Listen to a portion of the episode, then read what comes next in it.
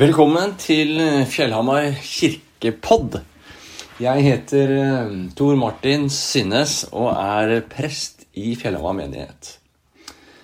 Jeg skal nå holde en preken eller en undervisning fra søndag som var, bots- og bønnedag. Av og til i Fjellhamar menighet har vi det vi kaller en undervisningsgudstjeneste. Det vil si at vi vi slanker gudstjenesten så godt vi kan eh, for å få tid til med lengre preken eller undervisning. Så jeg vil nå holde på en kanskje en god halvtimes tid, så du er forberedt på det. Det var også eh, skriftemålsguds eh, mulig å ha allmenn skriftemål på søndag, som også til dels preger noe av det jeg sier i undervisningen. Prekenteksten på bots- og bønnedag den var fra Lukasevangeliet. Og Lukasevangeliet er jo et av de fire evangeliene som forteller om Jesu liv. Og et av de vi kaller de tre synoptiske. De som har eh, mye fellesstoff og ligner på hverandre. Markus, Matteus og Lukas, mens Johannes er annerledes. Men det er verdt å merke seg at nesten halvparten av Lukas er det vi kaller særstoff eh, fortellinger, tekster, som bare Lukas har av de fire evangeliene. Det står ikke i evangeliet hvem som er forfatter. Men etter tradisjonen er det legen Lukas som var Paulus sin nære medarbeider og reiste rundt sammen med han. Han var jøde, enten av fødsel eller at han ble konvertert, eller konverterte til jødedommen. Hvem var mottaker av dette evangeliet? Hvem var målgruppa til Lukas? Vi kan i hvert fall lese de fire første versene i kapittel 1, som sier viktige ting til oss om det. Der skriver Lukas mange har forsøkt å gi en fremstilling av det som er blitt oppfylt blant oss, slik vi har fått det overlevert av dem som helt fra først av var øyenvitner og tjenere for ordet. Nå har også jeg bestemt meg for å gå nøye gjennom alt fra begynnelsen av og skrive det ned for deg i sammenheng, ærede Theofilos, så du kan vite at det er pålitelig, det du har fått opplæring i.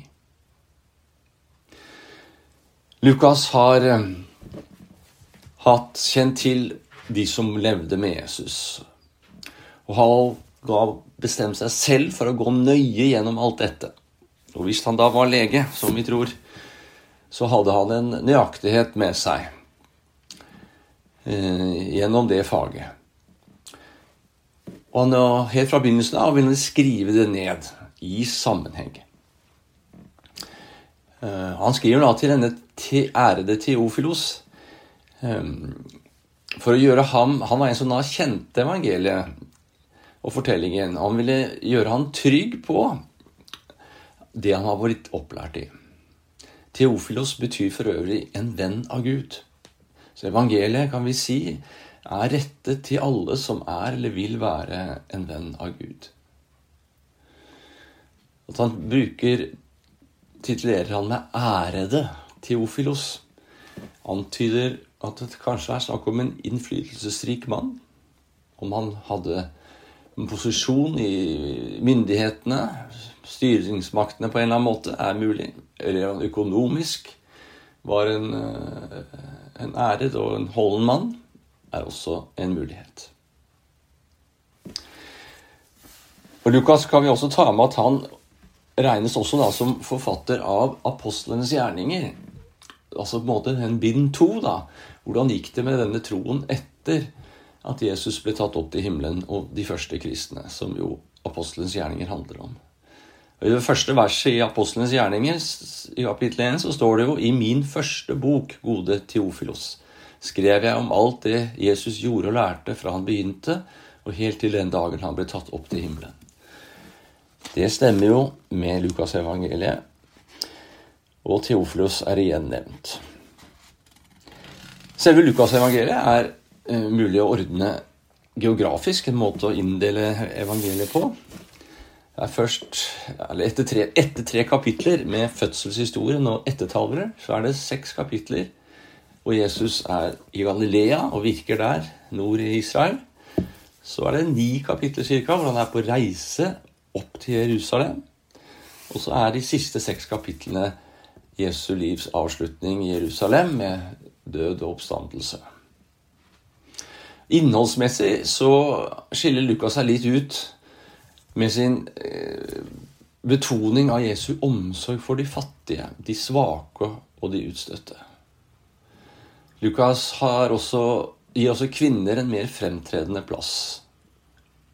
Og han behandler en rekke sentrale temaer, som å feile og komme til rette, å miste og bli funnet igjen, tilgivelse, barmhjertighet og håp.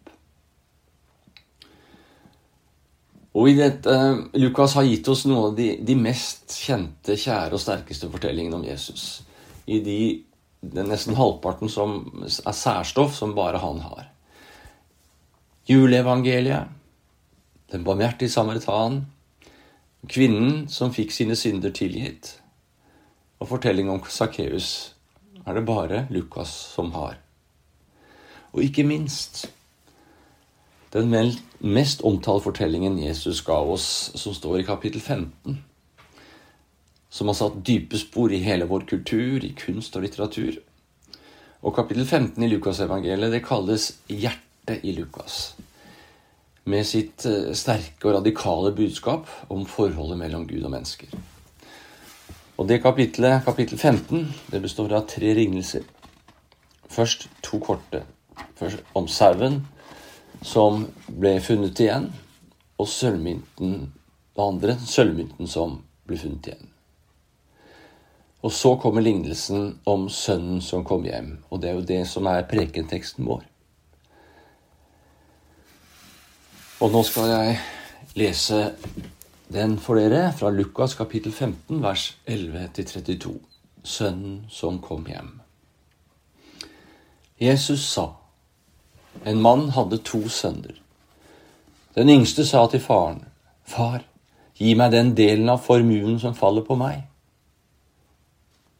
Han skiftet da sin eiendom mellom dem. Ikke mange dager etter solgte den yngste sønnen alt sitt og dro til et land langt borte. Der sløste han bort formuen sin i et vilt liv.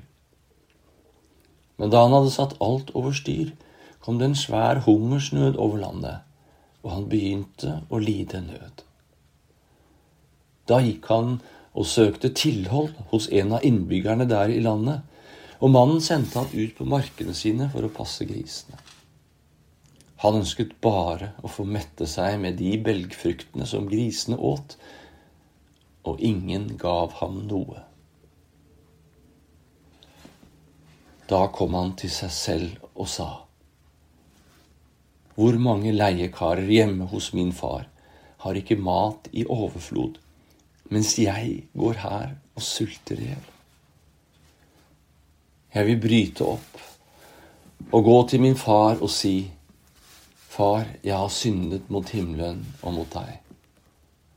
Jeg fortjener ikke lenger å være sønnen din. Men la meg få være som en av leiekarene dine. Dermed brøt han opp og dro hjem til faren. Da han ennå var langt borte, fikk faren se ham, og han fikk inderlig medfølelse med ham. Han løp sønnen i møte, kastet seg om halsen på ham og kysset ham. Sønnen sa, Far, jeg har syndet mot himmelen og mot deg. Jeg fortjener ikke lenger å være sønnen din. Men faren sa til tjenerne sine, Skynd dere! Finn fram de fineste klærne og ta dem på ham, og gi ham ring på fingeren og sko på føttene. Og hent gjøkalven og slakt den, så vi vil spise og holde fest. For denne sønnen min var død og er blitt levende. Han var kommet bort og er funnet igjen. Og så begynte festen og gleden. Imens var den eldste sønnen ute på markene. Da han gikk hjemover og nærmet seg gården, hørte han spill og dans. Han ropte på en av karene og spurte hva som var på ferde. Din bror har kommet hjem, svarte han. Og din far har slaktet gjøkalven fordi den har fått ham hjem tilbake i god behold. Da ble han sint og ville ikke gå inn. Faren kom ut og prøvde å overtale ham. Men han svarte faren, Her har jeg tjent deg i alle år, og aldri har jeg gjort imot ditt bud. Men meg har du ikke engang gitt et kje, så jeg kunne holde fest med vennene mine. Men straks denne sønnen din kom hjem, han som har sløst bort pengene dine sammen med horer, da slakter du gjøkalven for ham.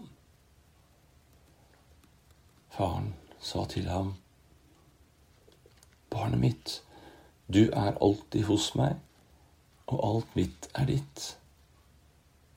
Men nå må vi holde fest og være glad, for denne broren din var død og er blitt levende. Han var kommet bort og er funnet igjen. Slik lyder det hellige evangeliet.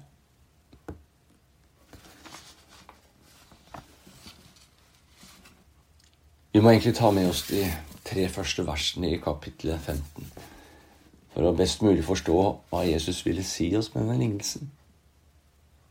Der står det alle toller og syndere holdt seg nær til Jesus for å høre ham. Men fariseerne og de skriftlærde murret og sa seg imellom, denne mannen tar imot syndere og spiser sammen med dem. Da fortalte han dem denne lignelsen. Og det er altså mot murringen, anklagene fra fariseerne og de skriftlærde om at tollere og syndere, de urene, holder seg nær til ham, og at han spiser sammen med dem. Det er på bakgrunn av denne anklagen at han forteller lignelsen om gjeteren som går ut og leter etter den ene av hundre sauer som har gått seg vill. Om kona som feier huset nøye for å finne den ene av de ti sølvmyntene hun hadde mistet. Og så altså fortellingen om de to sønnene, eller om sønnen som kom hjem.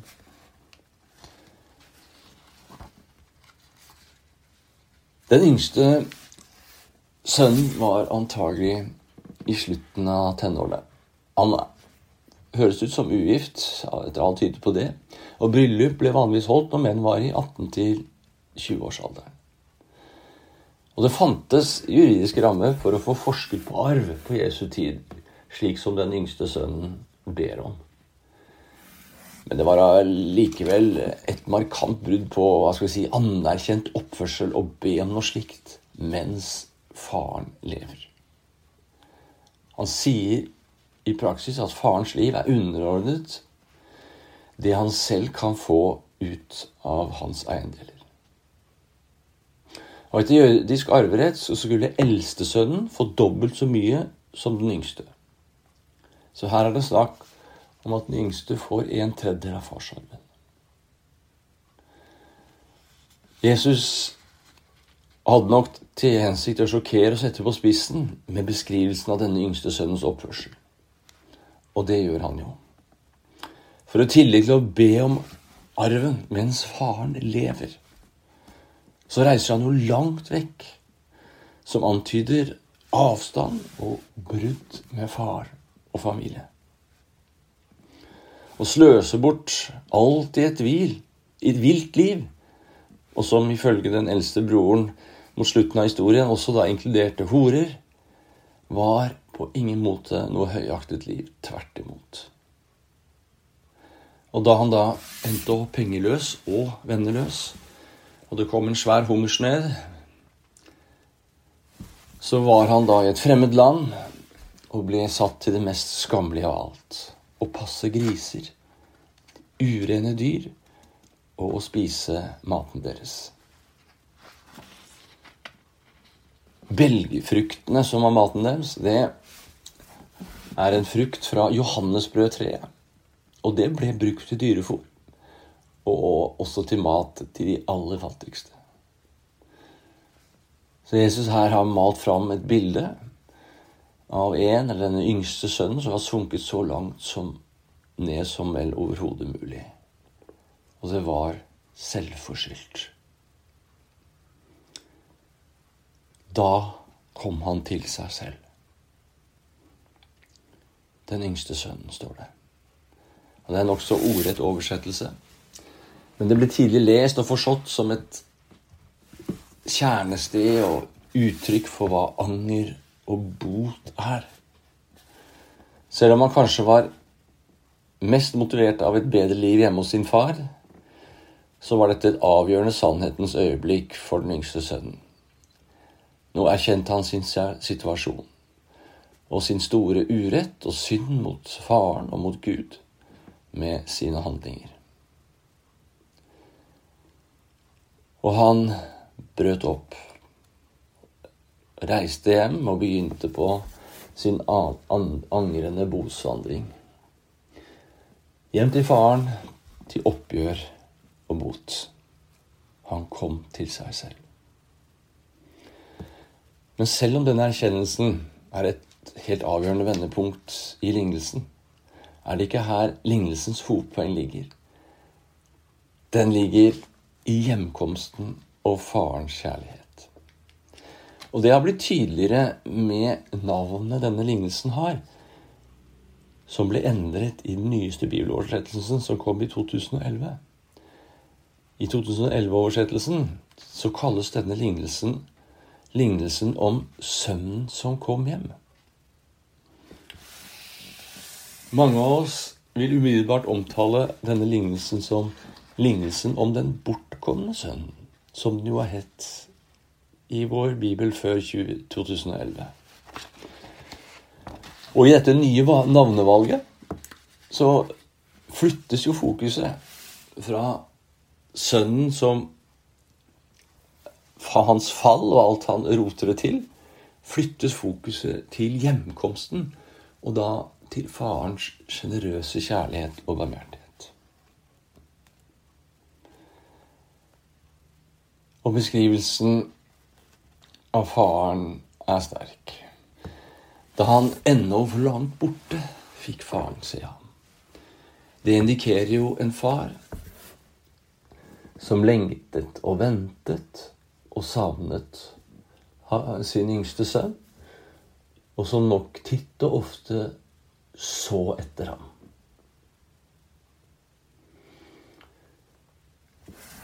Og når han fikk se ham, så står det at han fikk inderlig medfølelse. Og det greske ordet som brukes, er splangsnitsomai. Og førstedelen av, av ordet betyr tarmer, eller innvoller. Og dette er vel det sterkeste uttrykket eh, vi har i Bibelen for medfølelse og kjærlighet. At du kjenner det i magen. Det er som tarmene vrir seg, innvollene vrenger seg inni deg. Av sånn følelsesmessig voldsom reaksjon. Inderlig medfølelse som sitter i magen. Og ordet, dette ordet brukes kun om Gud og Jesus. Om Guds inderlige medfølelse. Om Jesu inderlige medfølelse med oss. Og at denne inderlige medfølelsen var sterk og den var altså utgangspunktet for handlekraften til faren videre. Det viste seg umiddelbart i at han spontant løp sønnen i møte. Og i denne jødiske og semittiske kulturen en skal ikke en eldre eller godt voksen mann løpe. Han skal være behersket og føre seg til enhver tid verdig og med ære. Å løpe vitner om mangel på kontroll og verdighet.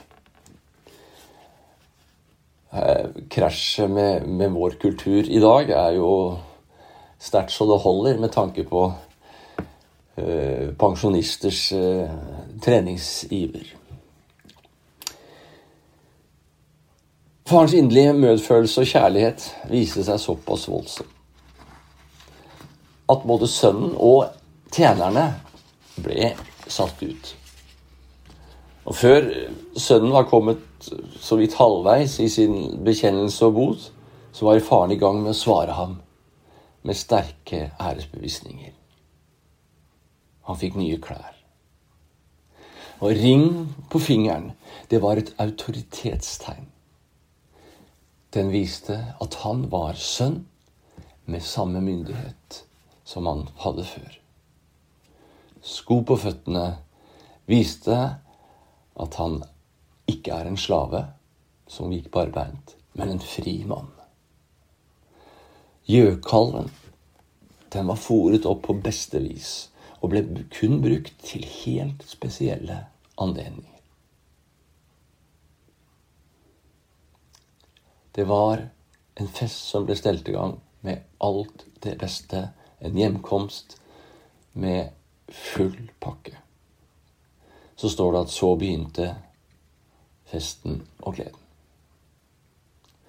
Og når fortellingen på mange måter har nå nådd et naturlig, lykkelig, flott slutt, så kommer altså den eldste sønnen på banen. Og typisk nok har han trofast, lojalt og pliktoppfyllende vært på jobb til langt mot kveld, sannsynligvis, ute på markene. Det er mulig å tolke flere av setningene som at det er et litt anstrengt forhold, kanskje, mellom far og den eldste sønnen. At han ikke er informert om festen før han kommer hjem, kan man lure på. At han blir Eller roper på en tjener og blir informert av en tjener og ikke faren også. Men aller mest kan vi ane en spenning i det han da anklager faren for. Når han ikke vil gå inn og faren kommer ut og prøver å overtale. Uansett så var altså den eldste sønnen sin, og han fyrte løs da faren kom ut. Og broren sin omtalte han som 'denne sønnen din'. Han hadde brakt vanære over familien og med sitt sløseri svekket gården som eiendom og redusert familiens formue.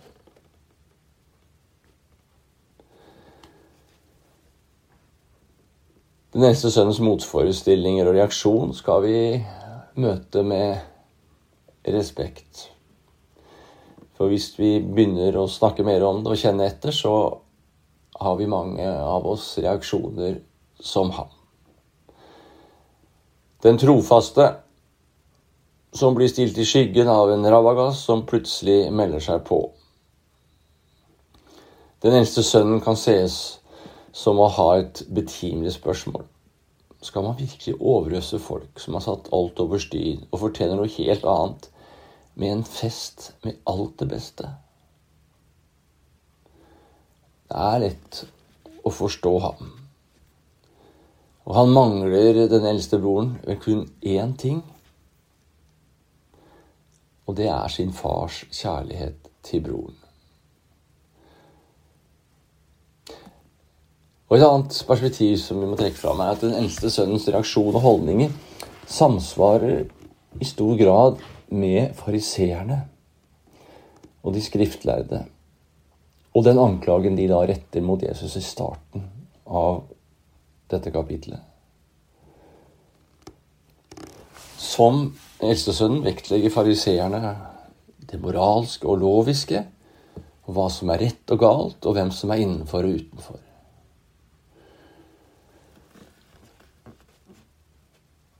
Og Jesu fortelling av lignelsen og farens handlemåte, som drevet av inderlig medfølelse og kjærlighet, er jo den utfordringen som både sønnen og da også fariseerne blir gitt av Jesus.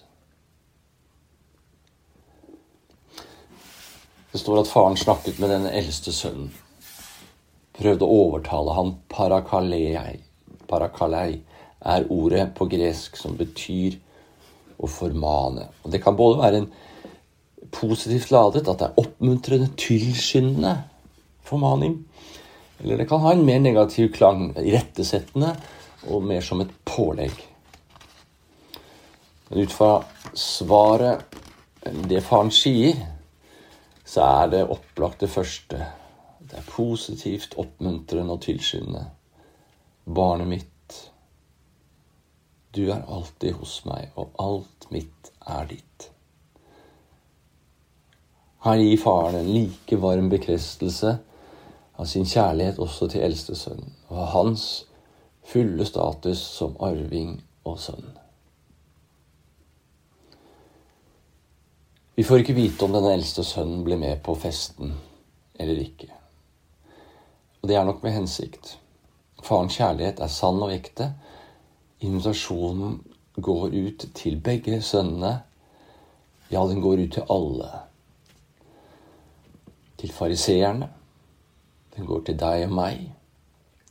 Vil vi ta del i kjærligheten og rausheten og de som har rota det til, og ta imot de som ikke ut fra livet fortjener noen plass i det gode selskap? Vil eldste sønn, fariseere og skriftlærere, vil du og jeg besinne oss, komme til oss selv og vende hjem til Gud vår Far og Hans kjærlighet og nåde?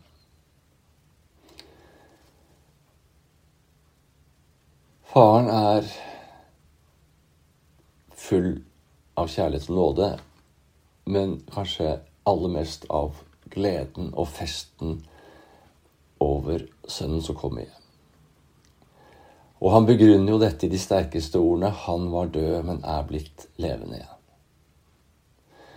Og Sånn sett er bots- og bønnedag med sitt fokus på å bekjenne synd og be om tilgivelse også fortrinnsvis en festen og gledens dag. For hovedpoenget er mottagelsen. Altså er hjemkomsten som sønn, men også den mottagelsen enhver som bekjenner og ber om synde, får. Guds kjærlighet og nåde. Det som var vondt, blir tilgitt. Den døde er blitt levende igjen.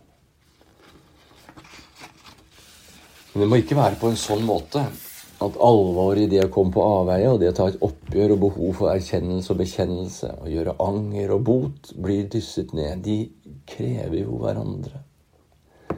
Festen og gleden var så stor fordi mørket hadde vært så tungt, og alvoret med at de var skilt, var så stort.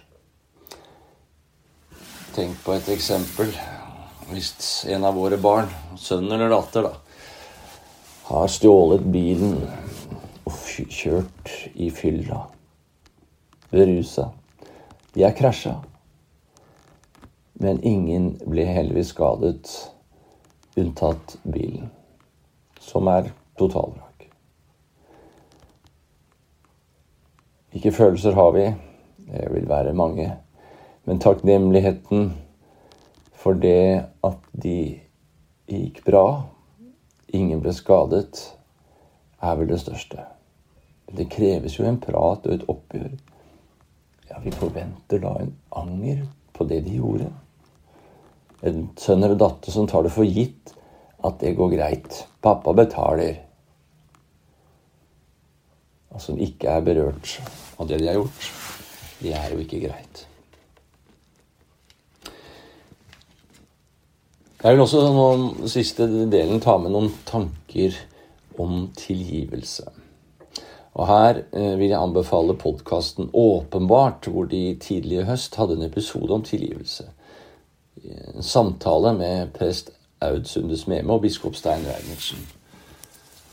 Flere av de tingene de sier der, er det jeg har tatt med i det jeg nå deler videre med dere. Tilgivelse kan jo på mange måter fremstå som noe veldig fint og vakkert. Og kanskje nesten da også enkelt på en måte. Som med den yngste sønnen. Mens den eldste viser jo realiteten i at det kanskje vel så ofte kan være motsatt. Tilgivelse kan være krevende. Det kan være øh, vondt og vanskelig. Til og med provoserende anstøtelig også. Og tilgivelse er ikke en fjern Jesus og Gud-greie, et eller annet med, med, med vårt åndelige liv, det er høyst aktuelt i livet vårt for oss alle sammen. Og det blir jo bare mer og mer aktuelt jo nære relasjonene er. Vi klarer stort sett å oppføre oss greit overfor folk, så det ikke blir sånn eh, generelt. Så det ikke blir noen konflikter og vonde ting sånn i det store og hele. Men jo nærmere vi, vi er hverandre, jo lettere er det at vi sårer hverandre. At det blir konflikter. At det blir krevende ting å håndtere. Og da følger det jo på sårende ord med behov for og sårende handlinger med behov for oppgjør og tilgivelse. Et godt tegn på det er jo det at det blir vanskelig å se hverandre i øynene. Møte hverandres blikk. Og det er i familiens liv tilgivelse virkelig trengs. Det trengs i alle relasjoner, men jo tettere relasjonene er, jo mer og mer viktig er det mellom ektefeller og partnere, mellom foreldre og barn, mellom søsken. La meg en, med en gang si tydelig at jeg nå ikke snakker om de hva skal vi si, virkelig store handlingene. Som, som drap, terror eh, Alt det fører med seg. Der er det andre og store og krevende prosesser som skal til. Og hvor krav om tilgivelse, et eventuelt krav om det, kan bli et nytt overgrep.